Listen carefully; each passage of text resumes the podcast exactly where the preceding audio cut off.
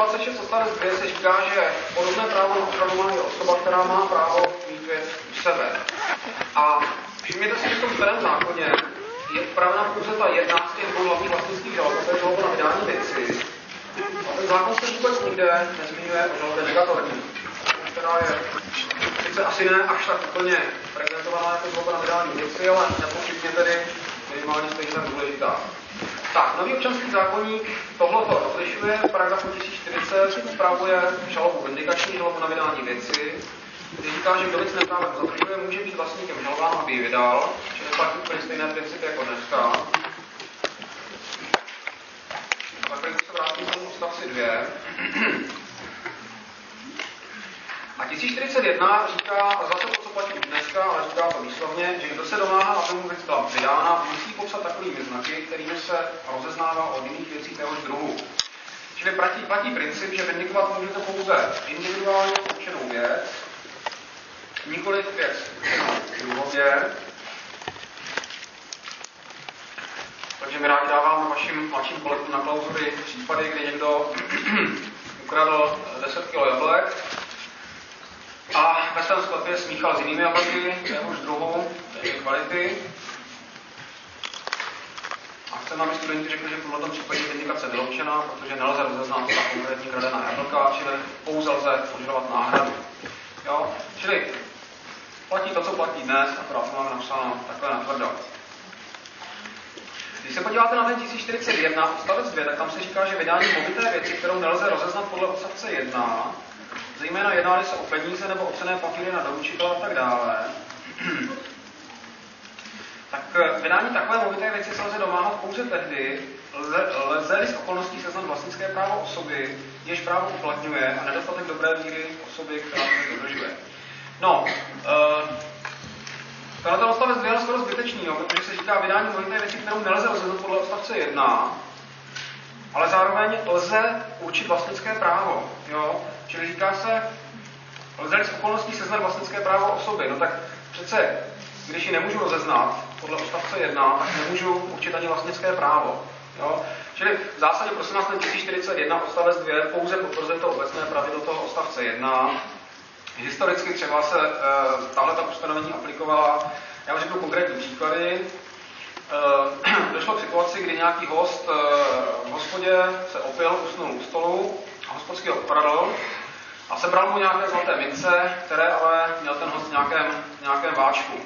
Ten váček e, s těmi penězi hodil někam do kasy, ten hostický, a posledně se řešilo, jestli ty peníze lze vyzdikovat a řeklo se ano, lze, protože je to sice věc druhově určená, nicméně v tom konkrétním případě jsou tak dostatečně individualizovány, protože zůstaly v tom jednom, v tom jednom váčku pořád, že lze říct, že to je pořád ta jedna věc, která patří tomu vlastníkovi.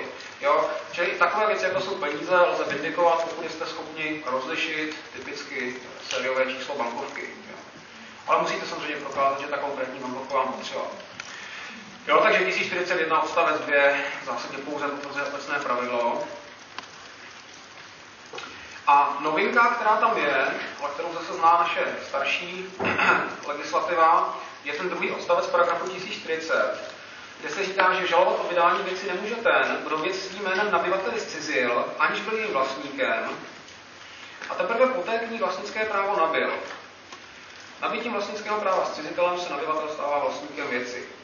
Takže typický příklad.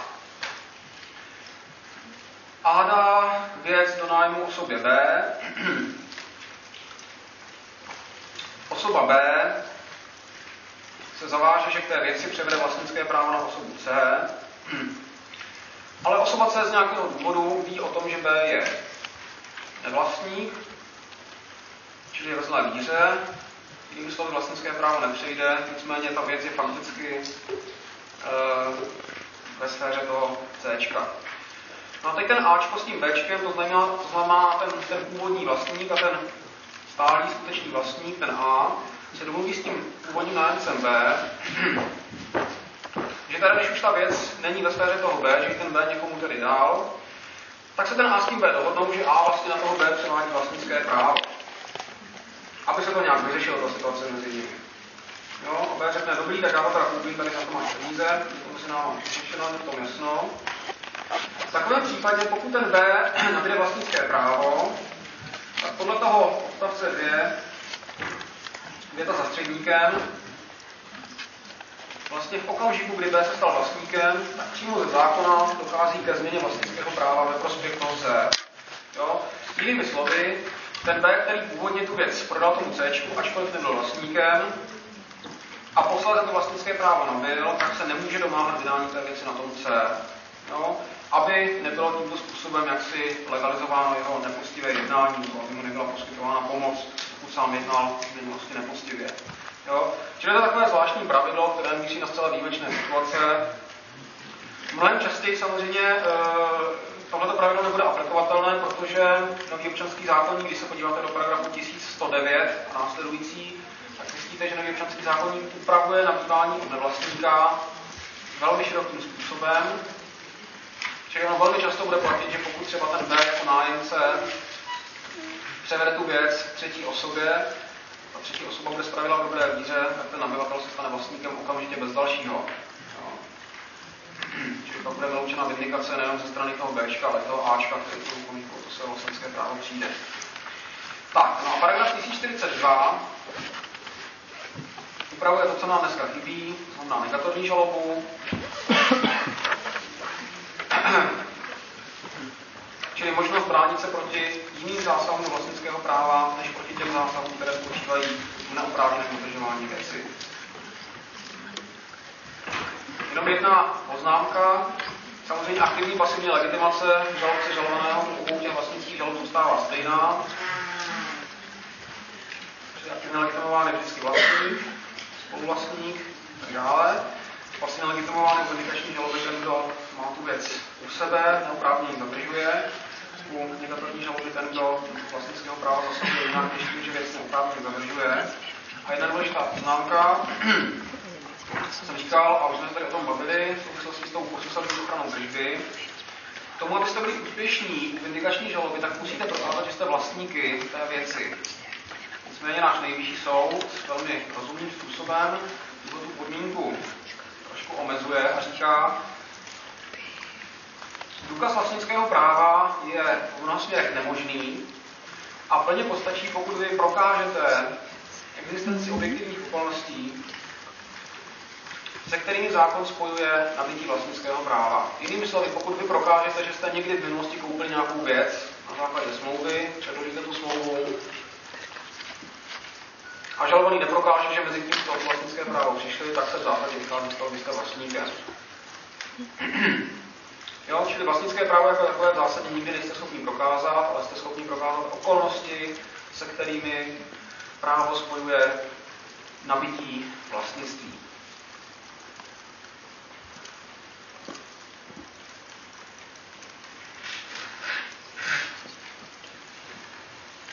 Tak. Teď jenom strašně krátce některým způsobům originálního nabití vlastnického práva. Eh, tady asi možná jenom dvě zmínky. První zmínka míří na tu problematiku přivlastnění něčí věci. Já jsem tady už o tom trošičku mluvil. Takže prosím vás, moment, protože ten občanský zákonník nový už úplně opouští takovéto pojetí, že pokud se opustí věc, tak eh, vlastníkem se stává stát, respektive dneska obec, a naopak tedy vrací se k tomu klasickému tomu právnímu chápání právního důsledku toho opuštění věci, který spočívá v tom, že opuštěná věc stává věcí nižší a že každý má přirozenou svobodu si tu věc vzít pro sebe. To znamená, platí tady ten tzv. princip okupační volnosti.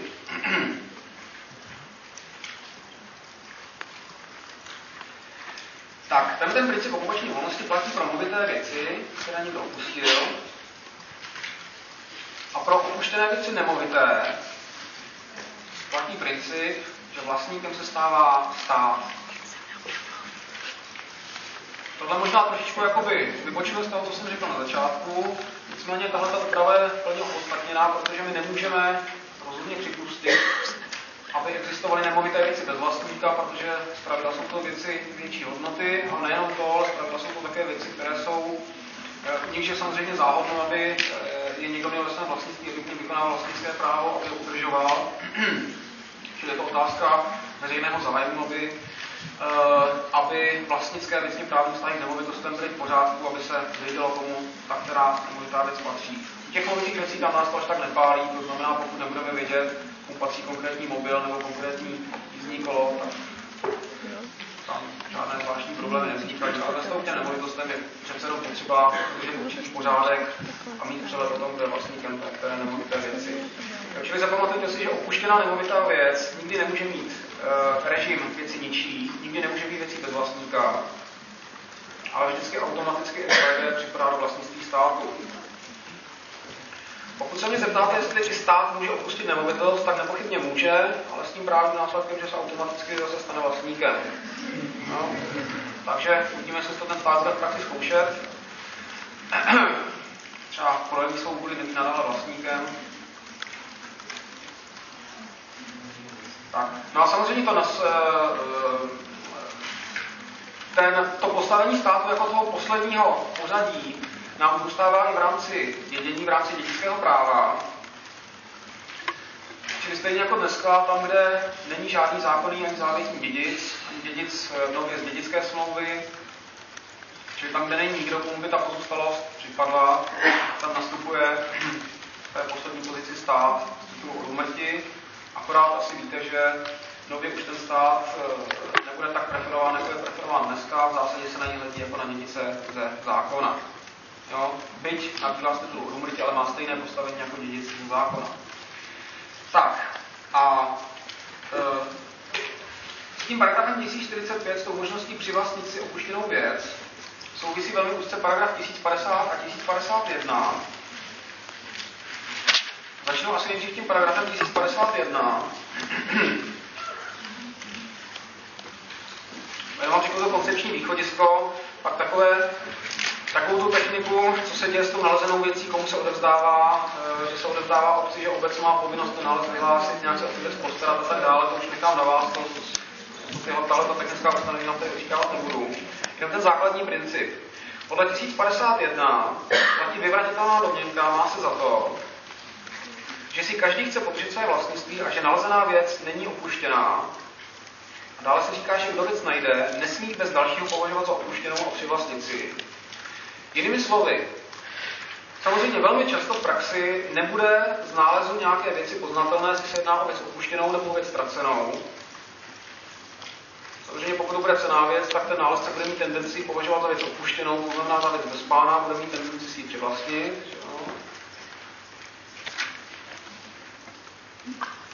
Ale tím spíš by měl být opatrný, protože se vychází z toho obecného principu, že vlastnické právo se opouští spíš méně než více,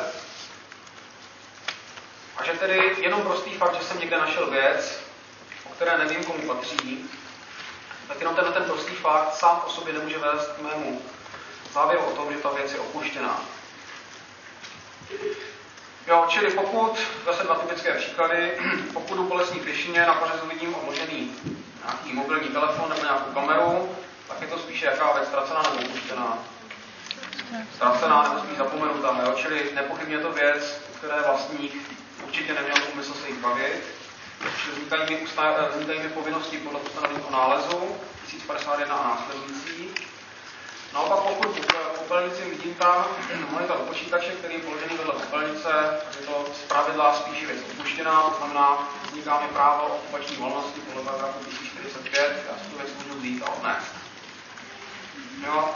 No a v těch opravdu nejasných případech platí princip, že spíše se jedná o věc ztracenou, to znamená o věc, kterou vlastník opustit nechtěl. Takže mám postupovat podle ustanovení o nálezu. Tak a teď se podívejte ještě na ten paragraf 1050, který tady opět jak se, jak se zahýbal eh, naší nejenom odbornou, ale i laickou veřejností. V tom paragrafu 1050 jsou v prvním a druhém odstavci stanoveny dvě vyvratitelné domněnky. Ty vyvratitelné domněnky říkají, že se má za to, že pokud nevykonáváte vlastnické právo v movité nebo nemovité věci po určitou dobu, tak se můžeme důvodně domnívat, že jste tu věc opustili. Tak, ale tohle to si vyžaduje samozřejmě trošku hlubší rozbor. Tak, když se podíváte do toho odstavce 1, tak tam jsou řešeny ještě speciálně dvě skutkové podstaty ve vztahu k movitým věcem.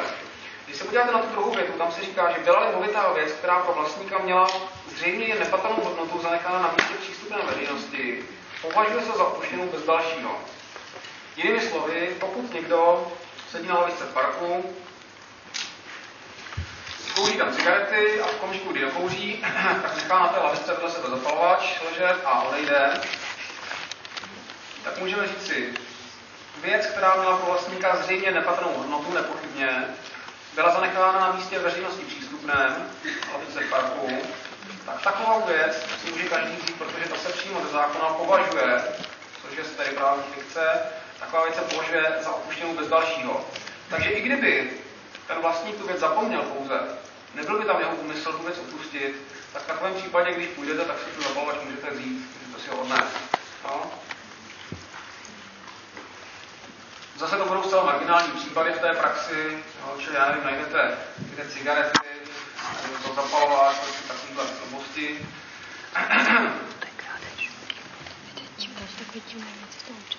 Čili tady, aby nevznikaly ve vztahu těm drobným marginálním věcem nějaké dlouhodobé nejasné právní vztahy, tak se říká, považuje se ta věc za opuštěnou bez dalšího a každý si může přivlastnit.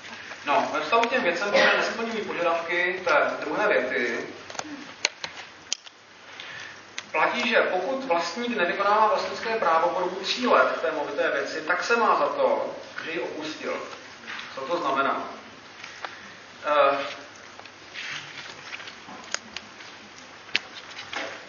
tak, uh, řekněme, máte bytový dům, ve kterém je nějaká společná část domu, nějaká společná třeba kočárkárna.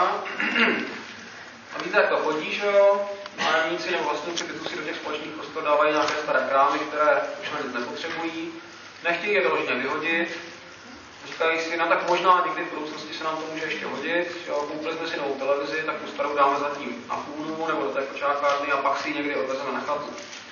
No, pak ten nájemce se z toho domu odstěhuje, nebo vlastník toho bytu ten byt prodá a ty krámy v té společné prostoře nechá. Tak, pokud bude trvat situace, kdy ten původní vlastník nevykonává vlastnické právo v té televizi třeba, nebo k tomu jízdnímu kolu nebo k kočárku po dobu tří let, tak vzniká vyvratitelná domněnka, že tu věc opustil. Samozřejmě ten úmysl tam být nemusí. Jo? Ten vlastník si pořád říká, já vím, já to tam mám, já si proto někdy přijedu, ale nic proto nedělá. A objektivně je nepochybné, že to vlastnické právo v té věci není vykonáváno takovém případě po těch třech letech se může kdokoliv ujmout držby té věci s úmyslem mít pro sebe. Nicméně zapamatujte si, a to tež pak platí ve těm nemovitostem, že ten, kdo se té věci ujme, nemá přímo postavení vlastníka, ale má postavení poctivého držitele. Jinými slovy, to, že někdo nevykonává vlastnické právo movité věci po dobu tří let, zakládá ve třetí osobě dobrou víru, ta věc je opuštěná. Takže vy se té věci můžete ujmout jako poctiví držitelé a s toho veškerá práva, veškeré povinnosti, zejména ta možnost, že pokud vy jako poctiví držitelé eh, tu věc zničíte, poškodíte, znehodnotíte, a ten skutečný vlastník se o tu věc přihlásí do uplynutí vydržecí doby, tak vy tomu vlastníkovi neodpovídáte. Jo? Vám stačí, že řeknete, ta, ta, ta věc se tady tři roky válela, zjevně k ní nikdo nevykonával vlastnické právo, nikdy jste nás nekontaktoval, abyste řekl, že si tu věc chcete vzít, no, nikdy jste neuplatňoval své vlastnické právo a tak dále. Čili z objektivních okolností plyne, že jste vlastnické právo nevykonával. Čili pokud se po těch třech letech někdo takhle víme držby, tak je poctivým držitelem. A v případě, že má tu věc v té poctivé držbě další tři roky, tak vydrží vlastnické právo v případě, že se v těch dalších třech letech ten skutečný vlastník objeví a řekne, já to chci, vrať mi to, tak samozřejmě má na to právo. Pokud ta věc ještě bude existovat, tak mu ji vydáte, ale pokud jste tu věc zničili, znehodnotili, poškodili, tak jako poctivý držitele neodpovídáte tomu vlastníkovi vůbec za nic. Tak. A teď ve těm nemovitým věcem je ten princip naprosto stejný, akorát ta lhuta je desetiletá. A nebude to až tak jednoduché, protože samozřejmě obecně platí, že výkon vlastnického práva zahrnuje nejenom nějaké aktivní působení na tu věc, ne, ne, ne, nejenom nějaké, nějak, nějaký aktivní vztah té věci, to znamená třeba to, že já tu věc užívám, že sedím na živě, jezdím na jízdním kole, jezdím v autě, vstupuji na svůj pozemek. Ale víte, že samozřejmě vlastníky jste tehdy, i tehdy a vlastnické právo vykonáváte i tehdy, když tu věc neužíváte. To znamená, můžu koupit nějaký drahý obraz, který si schovám někam do banky, do trezoru, nejdu do té tajné, nebo tajné, jdu do té bezpečnostní schránky dalších 10 let, proč bych musel, že jo, ale stejně mám úmysl být nadále vlastníkem. Ten úmysl plyne například z toho, že já si platím pravidelně poplatky za bezpečnostní schránku, že například s někým jednám o tom, že ode mě koupí ten obraz, tak dále. Já určitě vlastnické právo vykonávám i tím, že na to věc nepůsobím, věc neužívám.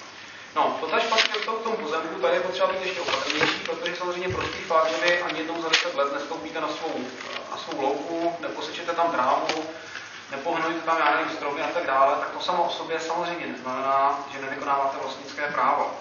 U těch nemovitostí je to umocněno ještě tím, že e, pokud alespoň jednou za 10 let zaplatíte z nemovitosti, tak jste nepochybně dali najevo, že se chováte jako vlastníci, že vykonáváte vlastnické právo. Čili pokud se prokáže, že jste alespoň jednou za 10 let prostě tu daň zaplatili, nebo jste ji třeba ani nezaplatili, ale jednáte s eh, finančním úřadem o odkladu daně, to znamená o nějakém splátkovém kalendáři, nebo tomu finančáku rovnou řeknete, já vám splatit nebudu, protože já neuznávám na povinnost. No. Tím nepochybně se hlásíte k vlastnickému právu té nemovité věci, k tomu pozemku. V žádném případě nelze založit tu vyvratitelnou domněnku, že jste tu věc takhle opustili. Takže prosím vás, ten paragraf 1050 odstavec 2 bude připadat v praxi úvahu ve zcela mimořádných případech. A bude to zejména v těch případech, kdy bude nejasný vlastnický režim pozemku, to znamená, já vám něco ukážu jenom.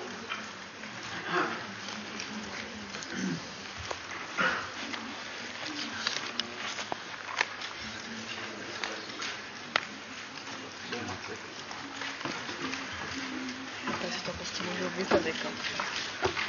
Když to nejde.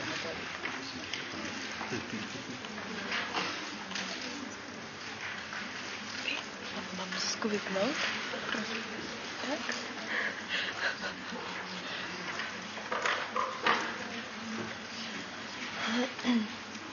Tak tady jsem vám chtěl ukázat, jak jsem mluvil o tom duplicitním zápisu, který dneska vzniká, když je to právního hlediska nesmysl.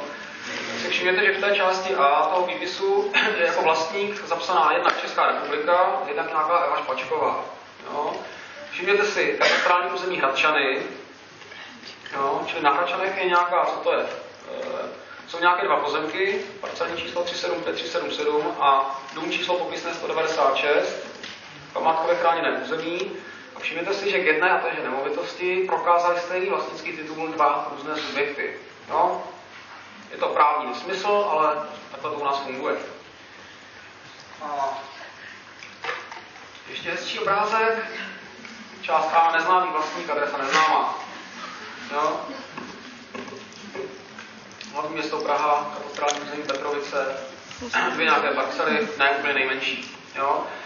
Takže samozřejmě eh, dneska v naší sociální realitě existují případy, kdy jsou tady desítky, stovky tisíc nemovitostí, které buď mají úplně neznámého vlastníka, nebo mají jako vlastníka zapsanou osobu, která se narodila v roce 1850, nebo mají jako vlastníky zapsány, zapsáno třeba více subjektů a tak dále, čili je tady do značné míry ne, e, velká vlastnická nejistota.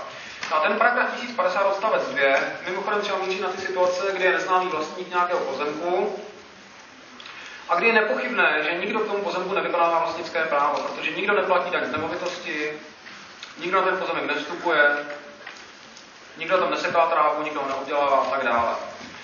Čili v zásadě budou to e, s ohledem na počet spíše případy výjimečné, ale samozřejmě nejsou úplně vyloučeny, vznikat budou. No a mimochodem, ten paragraf 1050 odstavec 2 kromě jiného směřuje jednou provždy, eh, nebo vyřešení situace jednou provždy, k vyřešení situace, kdy eh, určitá nemovitá věc má neznámého vlastníka. Prosím vás, eh, že tady napsáno, že to je neznámý vlastník, tak to neznamená, že ta nemovitost vlastníka nemá. Ona samozřejmě nějakého vlastníka má, minimálně to bude stát, který to nabyl z titulu od úmrtí. Nebo to může být někdo, kdo to zdědil ze zákona, ale není o tom. Jo, čili vlastníkem toho pozemku těchto těch případů, eh, v tomto případě těch dvou pozemků nepochybně někdo je, akorát nevíme, kdo to je. A nikdo se k tomu pozemku nehlásí, čili v takovém případě tady bude ten 1050 odstavec 2.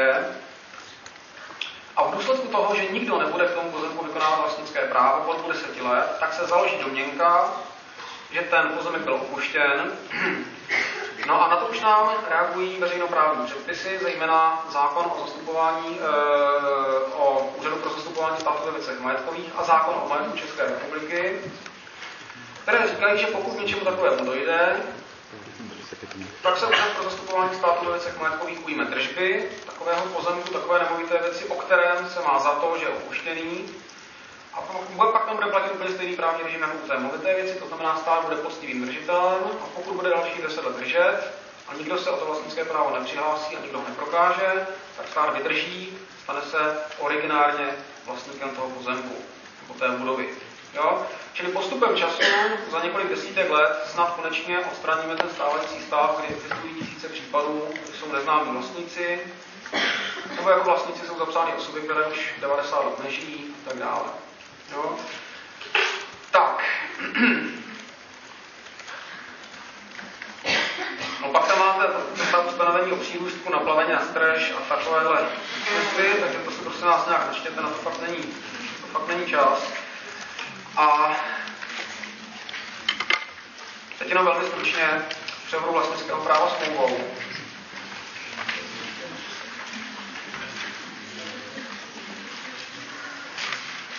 takhle vypadá tohle zápis chrámu svatého Víta na Pražském hradě z pozemkové knihy.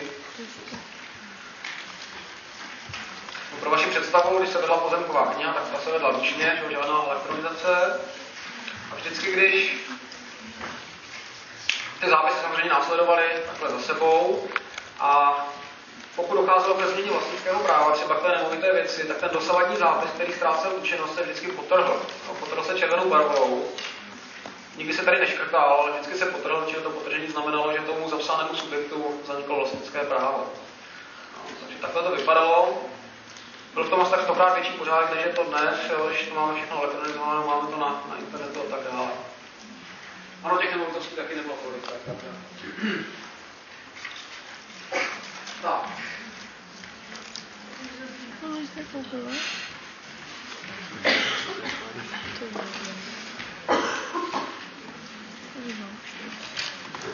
No a teď jenom strašně, strašně rychle základní principy smluvního nabývání vlastnictví. Prosím vás, už asi po šesté v posledních 50 letech v České republice mění princip smluvního nabývání vlastnického práva k movité věci. Vracíme se k tomu, co už tady dvakrát platilo, a to se označuje jako tzv. koncentuální způsob smluvního nabývání vlastnictví, který je vyjádřen v paragrafu 1099, kde se říká, že převádění se vlastnické právo k věci určené jednotlivě, tak se vlastnictví nabývá už v okamžiku účinnosti smlouvy. Jo, čili odlišně od stávajícího paragrafu 133 odstavec 1 se už nově nevyžaduje předání a převzetí movité věci.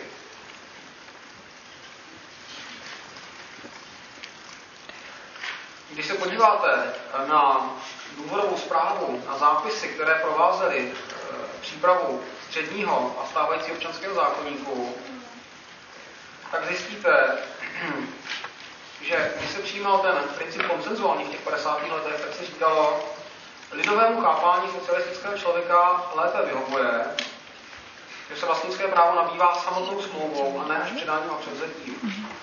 V roce 64 se úplně stejně argumentovalo ve prospěch opačného principu. No, za 14 let se evidentně změnilo to nahlížení ze strany toho socialistického člověka, který už najednou chápal velmi dobře, že předání a pře, že k převodu vlastnického práva se vyžaduje předání a převzetí věci, před 14 let to nechápal. Jo. Samozřejmě, prosím nás, eh, žádné sociologické výzkumy neprobíhaly. Tam ti, to si tam ti kodifikátoři napsali sami, ve zcela výjimečných případech docházelo k tomu, což je opravdu úsměvné, že se šla určitá partie zákona, šlo se s tím někam na šachtu, tam se to ukázalo nějakým dělníkům a řeklo se, rozumíte tomu soudruzi? A oni řekli, nerozumíme. A oni řekli, tak to tam nedáme. Jo, technicky terminologie. Takže existují zápisy, kde se řeklo, uh, přišli jsme, já nevím, kde to bylo, do, do, do, nějakých železáren, zavolal se soudruh Slepička, soudruh Kohoutek, a obou jsme se zeptali, jestli ví, co to je pacht, a oni řekli, že neví, co je to pacht. Tak komise usoudila, že když tomu nerozumí soudruží Koutek a Slepička, tak to v tom zákoně nemůže být. Jo? Tak, takhle jsou nás zákony. Tak, kdyby se aspoň dalo nějakému, já nevím, inženýrovi aspoň, Takže, prosím vás, 1099, uh, co je podstatné, sice mění tu dnešní koncepci, mění tu dnešní koncepci k předání uh, převodu vlastnického práva se nevyžaduje předání a převzetí věci, nicméně stejně jako dnes je ta norma dispozitivní. Jo, čili můžete si dohodnout odchylku, můžete si dohodnout výhradu vlastnického práva, že vlastnické právo se nabývá až úplný zaplacení kupní ceny, můžete si dohodnout, eh, že vlastnické právo vznikne až v okamžiku splnění nějaké budoucí nejisté události, to znamená vázat tu možnost nabídí vlastnického práva na nějakou podmínku, odkládací a tak dále. Tak, eh, tisíc to zatím necháme. 1101 upravuje situace, které samozřejmě vznikají i dnes, ale zase náš zákon je výslovně upravuje. A v 1101 se uh, vlastně jedná o situaci, kde se převádí druhově určená věc. Ne, No, druhově určených věcí platí a může platit pouze jeden jediný princip, a sice ten, že vlastnické právo druhově určené věci se nabývá teprve v okamžiku, kdy je ta věc dostatečně individualizována, to znamená, kdy je oddělena od jiných věcí téhož druhu, takže kvality. Takže zase příklad, přijdu do stavebnír, mám tam na e, někde ve skladu hromadu písku a hlubosti jedné tuny. Já uzavřu kupní smlouvu, na základě které kupuju 10 kg toho písku. A je nepřípustné, abychom si dohodli, že vlastnické právo nabývám už v okamžiku účinnosti smlouvy podle 1099. A to z toho prostého důvodu, že dokud nebude patrné, ke které části té hromady já mám vlastnické právo, tak ní nemůže vzniknout samostatné věcné právo. Jo? Čili věcná práva, obecný princip, mohou vznikat pouze na věci jako celku, nikoli na částech věci. Jo? Čili dokud já neřeknu, je to tahle ta část hromady, kterou oddělím, odsunu do toho zbytku, tak to vlastnické právo prostě vzniknout nemůže. Totéž máte ve skladu tunu jablek, přijdete tam, řeknete, chci 10 jablek, zavřete smlouvu, vlastníky se nikdy nemůžete stát dřív, než ta jablka oddělíte od toho zbytku. No, čili princip individualizace věcných práv. Uh, 1100, 1102 a 1105 upravují smluvní převod vlastnického práva k věcem, které jsou předmětem evidence ve veřejném seznamu. 1102 se týká věcí movitých, 1105 se týká věcí nemovitých. Samozřejmě mnohem praktičtější bude ten 1105 v vztahu k nemovitostem evidovaným ve veřejném seznamu, katastru. A tady platí princip naprosto stejný pro oba dva ty druhy věcí. Vždycky se vlastnické právo nabývá až zápisem do toho veřejného seznamu, leda, že by zvláštní právní předpis stanovil něco jiného. Jo, čili typicky ten 1102 například bude dopadat na převod vlastnického práva k letadlům, které jsou, která jsou evidována v leteckém rejstříku, nebo převod vlastnického práva k lodím, která jsou, které jsou evidovány v tom plavebním rejstříku a tak dále. Jo, čili pokud je nějaký zvláštní veřejný seznam, kde se evidují movité věci, tak platí principy smluvního převodu vlastnického práva 1000, eh, dle 1102, respektive pro nemovité věci dle 1105. Tak, nemovitá věc, která není předmětem evidence v katastru nemovitostí, se bude nabývat podle 1099. Jo, nemovitá věc, která není evidována, je vždycky individuálně určená. Nemůže to být pozemek, který je evidovaný vždycky, čili bude to nějaká stavba, stejně jako dneska podle 133 odstavec 3. No, na tyhle ty nemovitosti dopadne 1099, naopak na ty evidované nemovitosti dopadne paragraf 1105.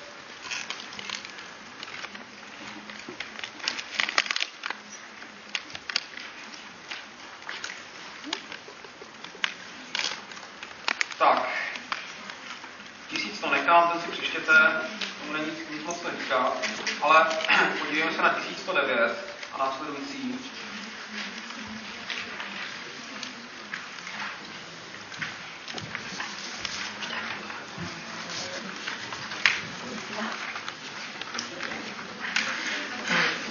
paragrafu 984 kde je řešen princip materiální publicity, to znamená princip ochrany dobré víry, ve vztahu nabídí vlastnického nebo jiného věcného práva k věcem, které jsou předmětem evidence ve veřejném seznamu, typicky pro nemovitosti.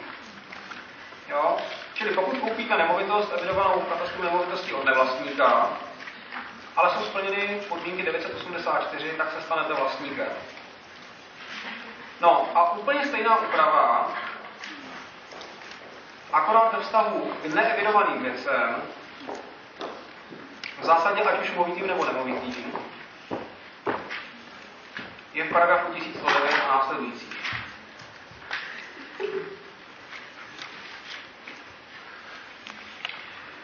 Ale je pravda, že ten paragraf 1109 bude v naprosté většině všech případů dopadat pouze na věci movité. Teoreticky může dopadat, jako jsem říkal, na věci nemovité, které nejsou evidovány v katastru, to znamená klasicky drobné stavby, nějaké garáže, já nevím co všechno. Ale v zásadě platí, že tyhle stavby budou součástí pozemku. No, podle toho nového zákona, podle paragrafu 506. Takže aplikační dopad toho paragrafu 1109 na věci nemovité neevidované v veřejném seznamu je prakticky nulový. Nelze ho vyloučit, ale říkám, prakticky to bude dopad zejména na ty věci movité. Tak a teďka zase jenom principy. to nabývání od nevlastníka k těm neevidovaným věcem je upraveno vlastně pro dvě velké skupiny případů. Jedna velká skupina případů je paragraf 1109,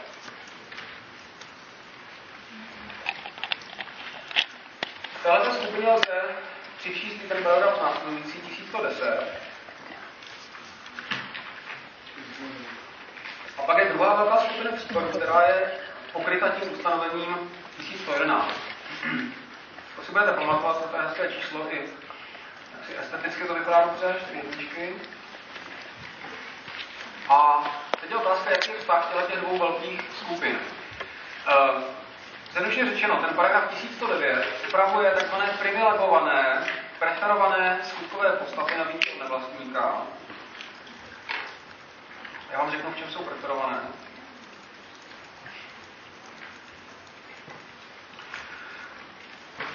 A můžeme říci s jistou mírou zjednodušení, že ty skutkové podstaty v tom paragrafu 1109 jsou vypočteny taxativně, pod tím písmenem A až E.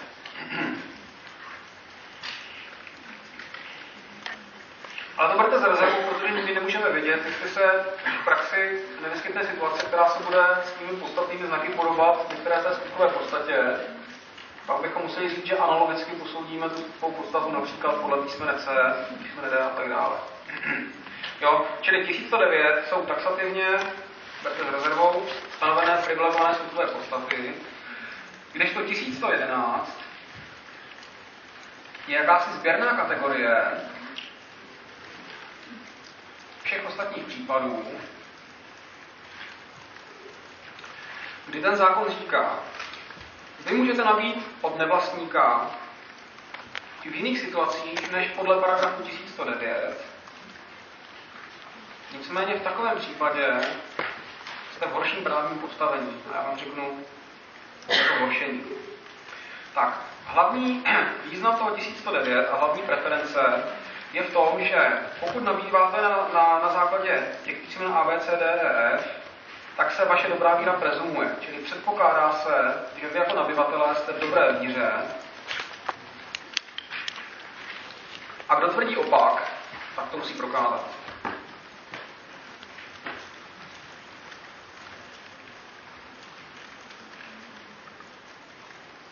Čili řekněme, pokud koupíte podle písmena B třeba od podnikatele při jeho podnikatelské činnosti v rámci běžného obchodního styku nějakou věc, čili konkrétně jdete k Baťovi, tam si koupíte boty, za týden přijde skutečný vlastník a řekne, hele, ten Baťa nebyl vlastníkem, nebo ten provozovatel toho obchodáku nebyl vlastníkem, vlastníkem jsem já, on to měl pouze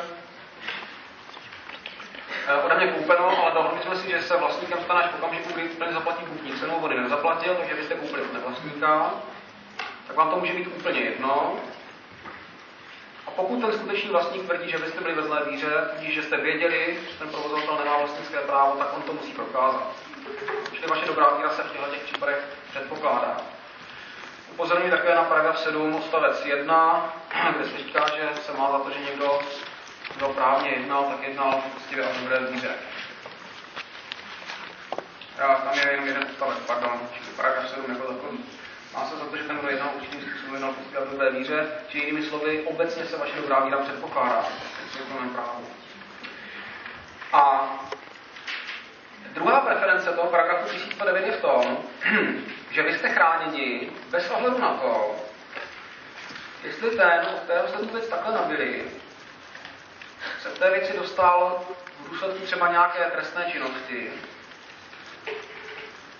to znamená, v zásadě tady absolutně není rozhodující, jakým způsobem se k té věci dostal ten váš právní předchůdce.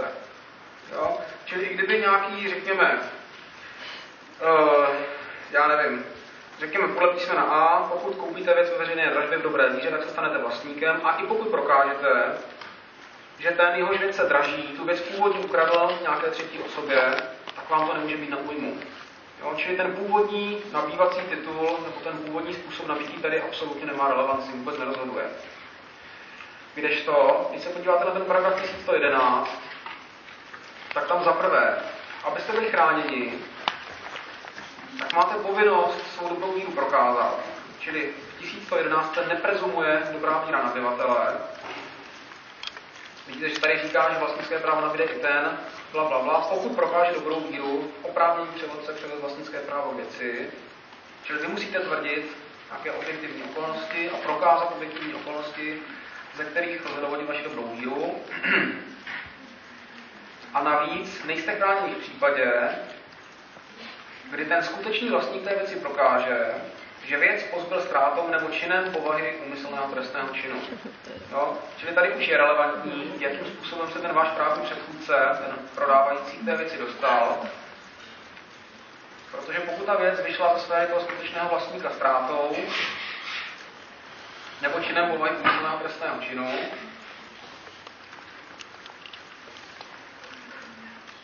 tak v takovém případě vy opět, pokud budete v dobré víře, tak máte pouze postavení poctivého držitele, čili můžete to vlastnické právo vydržet za tři roky. No a když se podíváte na paragraf 1110, tak ten byl psán na zakázku, abych tak řekl. Teď si nejsem jistý koho, myslím, že to bylo ministerstvo vnitra. Když si ho přečtete, tak na nějaké situace on míří. Je to výslovná jaksi reakce na současný stav v České republice, která to naši právní praxi tíží. Autobazary? Jasně, nebo říká zastavárny, jsem dobře rozuměl, myslím, že jo. Autobazary. Bazary, jo, různé komerční a tak dále. Čili ten 1110 je specifický v tom, že pokud koupíte věc například za stavárně,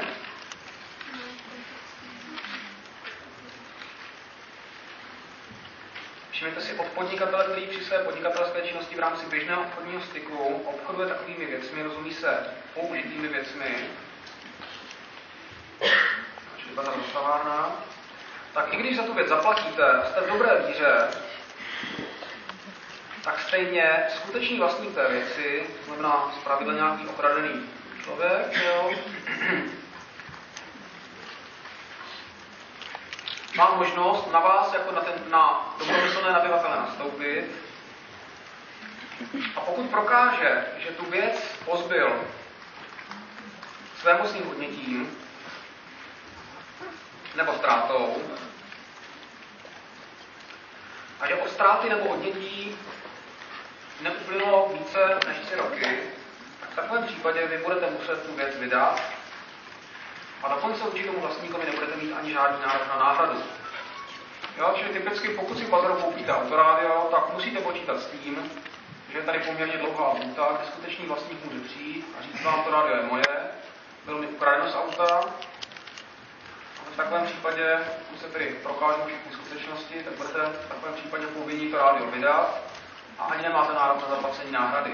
Ten nárok máte samozřejmě určité zastavárně, to nepochybně, ale nikoli vůči tomu vlastníkovi.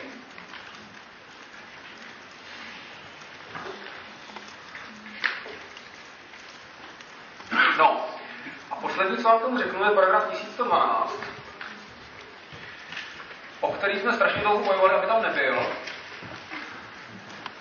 Ale bohužel se tam hlavně prosadil myslím, že obsal z Holandska a řekl, když to mají v Holandsku, tak proč to nemohli mít Což je dobrý argument. Ale ten paragraf 1112 je napsán velmi širokým způsobem a zdaleka takhle široce nemá být chápán, nemá dopadat na všechny situace, tak jak jsou pokryty v tom textu. Tady se říká, že vlastnického práva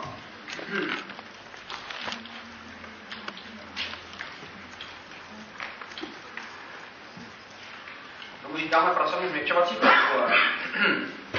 Tady se říká, že vlastnického práva ani dobré víry svého předchůdce se nemůže k svému prospěchu dovolat ten, kdo získal movitou věc s vědomím, že vlastnické právo bylo nabito od neoprávněného. Tak, eh, já řeknu případ, který se stal v Polsku v roce 1945 a případ, případy podobného typu se stávají poměrně často. Eh, byla nějaká rodina, rodiče, dvě děti, rodiče zemřeli koncem války. Děti zdědili po těch rodičích nějaký majetek, nějaké movité věci a byly dány do péče svých prarodičů nebo jednoho prarodiče. Ten prarodič, eh, nevím z jakého důvodu, to je úplně jedno, jednoho dne vzal ty movité věci těm vnukům a prodali třetí osobě. Ta třetí osoba jednala v dobré víře, kupovala od nevlastníka, nicméně v Polsku v té době, stejně jako dneska platí princip ochrany dobré víry, takže ten nabyvatel se stal skutečným vlastníkem. No, zaplatil tomu prarodiči nějakou kupní cenu, všichni byli spokojení. No, za asi dva, tři roky ten kupující se dohodl s tím prarodičem a převedl na ní zpátky ty věci jo, za nějakou kupní cenu. Čili jinými slovy, eh, ty věci se opět dostaly do sféry toho rodiče a teďka vznikla otázka, protože ty děti mezi tím jako nějak dospěly během těch tří let a zažalovali toho prarodiče na určení vlastnického práva a vznikla otázka, kdo je teda vlastníkem. Ten prarodič se bránil a říkal, no ale já jsem ty věci koupil skutečného vlastníka, protože já jsem ty věci převáděl jako nevlastní, ale ten nabyvatel byl v dobré víře, zaplatil za to, skutečně se prokázal, že ten nabyvatel o tom nevěděl, to znamená, ten nabyvatel získal vlastnické právo, a v době, kdy ty věci převáděl zpátky na toho prarodiče, tak ten prarodič už kupoval skutečného vlastníka, takže tam nějaká dobrá víra se nehraje v zásadě roli.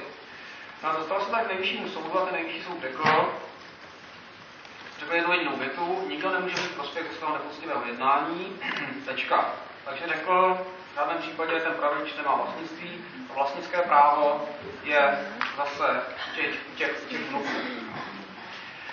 E, jakoby důsledky eh, věcné řešení, e, nebo ne, ne řešení, ale věcné důsledky toho rozhodnutí asi můžeme říct, že jsou v pohodě, že je můžeme akceptovat, ale způsob, jakým ten nejvyšší soud tenkrát došel k tomuhle tomu řešení, je úplně postavený na hlavu.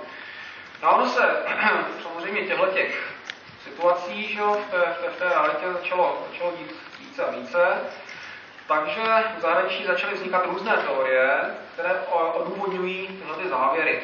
A řeklo se, no tak ale nemůžeme přece říct jenom tak bez dalšího, že nikdo nemůže mít prospekt ze svého nepostivého jednání, protože prostě tady někdo kupuje od skutečného vlastníka, tak je otázka, jestli ten samotný fakt té vědomosti, že původně to ty věci byly nabity od nevlastníka, jestli to prostě stačí k tomu, aby ten nepoctivec neměl, neměl právní ochranu.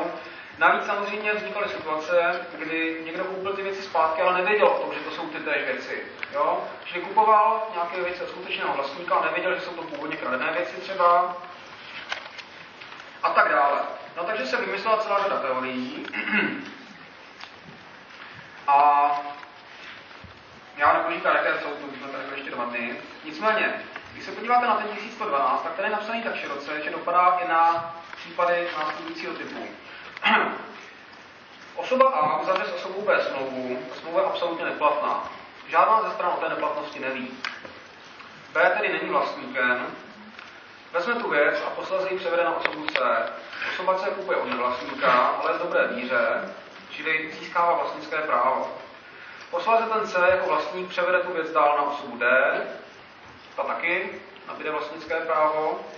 A teprve poté se třeba ten A s tím B dozví, že ta jejich smlouva byla absolutně neplatná, ale řeknou, no tak co, jako mávnou nad tím rukou a řeknou, tak jsme si plnili, tak ty dostal peníze, ty dostal věc, stejně si prodal dál, co s tím budeme dělat. No. Takže obě ty strany najednou ví, že původně ten B nabil od, e, že původně ten B nebyl na základě absolutně neplatné smlouvy, to znamená, nikdy se nestal vlastníkem. No, a teď řekněme, že ta věc je aktuálně u osoby D Ta osoba D se rozhodne tu věc prodat osobě E, nicméně ta osoba E ví o tom, že ta původní smlouva mezi tím A a B byla absolutně neplatná. To znamená, že původně tady byl nějaký převod od nevlastníka. A je otázka, stane se ten E vlastníkem nebo ne? No nepochybně stane, že protože tady není žádný důvod, proč bránit toho původního vlastníka, toho původního A. Nicméně ten paragraf 1112 je napsaný tak širokým způsobem, že bychom měli říct, že ani ten E nebude chráněn, protože tady se říká, že vlastnického práva ani dobré míry svého předchůdce se nemůže k svému prospěchu dovolat ten, kdo získal nabitou věc vědomím, že vlastnické právo bylo nabito od neoprávněného. Čili E nabývá věc od D, který je vlastníkem, ale zároveň ví, že původně bylo vlastnické právo nabito od neoprávněného, protože B jako nevlastník převáděl tu věc na C, a zahraniční doktríny říkají, no tak v takovém případě, v okamžiku, kdy to koupí někdo, kdo ví o tom, že ta věc byla původně nabita neoprávněného, tak se to vlastnické právo automaticky ze zákona vrací k tomu původnímu dočenému, to znamená k tomu Ačku. Jo? Což je samozřejmě úplně nesmyslný důsledek pro tyhle ty situace, neboť tady se nejedná přece o žádnou ztrátu věci, tady se nejedná o žádné ukradení, o žádný podvod. Tady se přece jedná situaci, kdy obě dvě ty smluvní strany A a B na začátku měly vůli tu, tu věc převést, to vlastnické právo převést, akorát tam byla nějaká vada té smlouvy, která způsobila neplatnost, čili B se nikdy vlastníkem nestal, ale nikdo tu smlouvu nerozporuje, Jo, není tam žádné nepoctivé jednání, je tam prostě jenom nějaká právní vada. Tak proč bychom měli být takhle důslední a měli bychom chránit to a pořád i proti nějakému 20. vlastníkovi pořadí, který se náhodou někde dozví, že ta původní smlouva byla eh, neplatná, tudíž ten B nikdy nebyl vlastníkem. Jo, čili ten 1112, tak je napsán, tak v žádném případě ho nemůžete takhle číst. A je skutečně namířen pouze na ty situace, kdy došlo k nějakému, jak jsem říkal, podvodu, nějaké krádeži, ztrátě věci a tak dále, a kdy lze určité straně přičíst nepoctivý úmysl. No, nikoli v těch případech, je třeba ta smlouva na začátku absolutně neplatná. Tak, uh,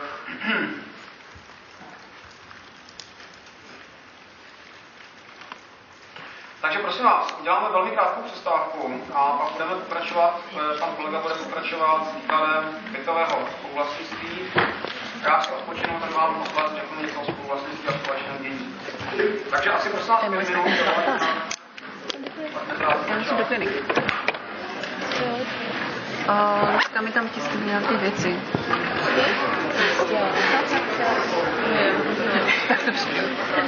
To si pohni teda. Ježiši Kriste.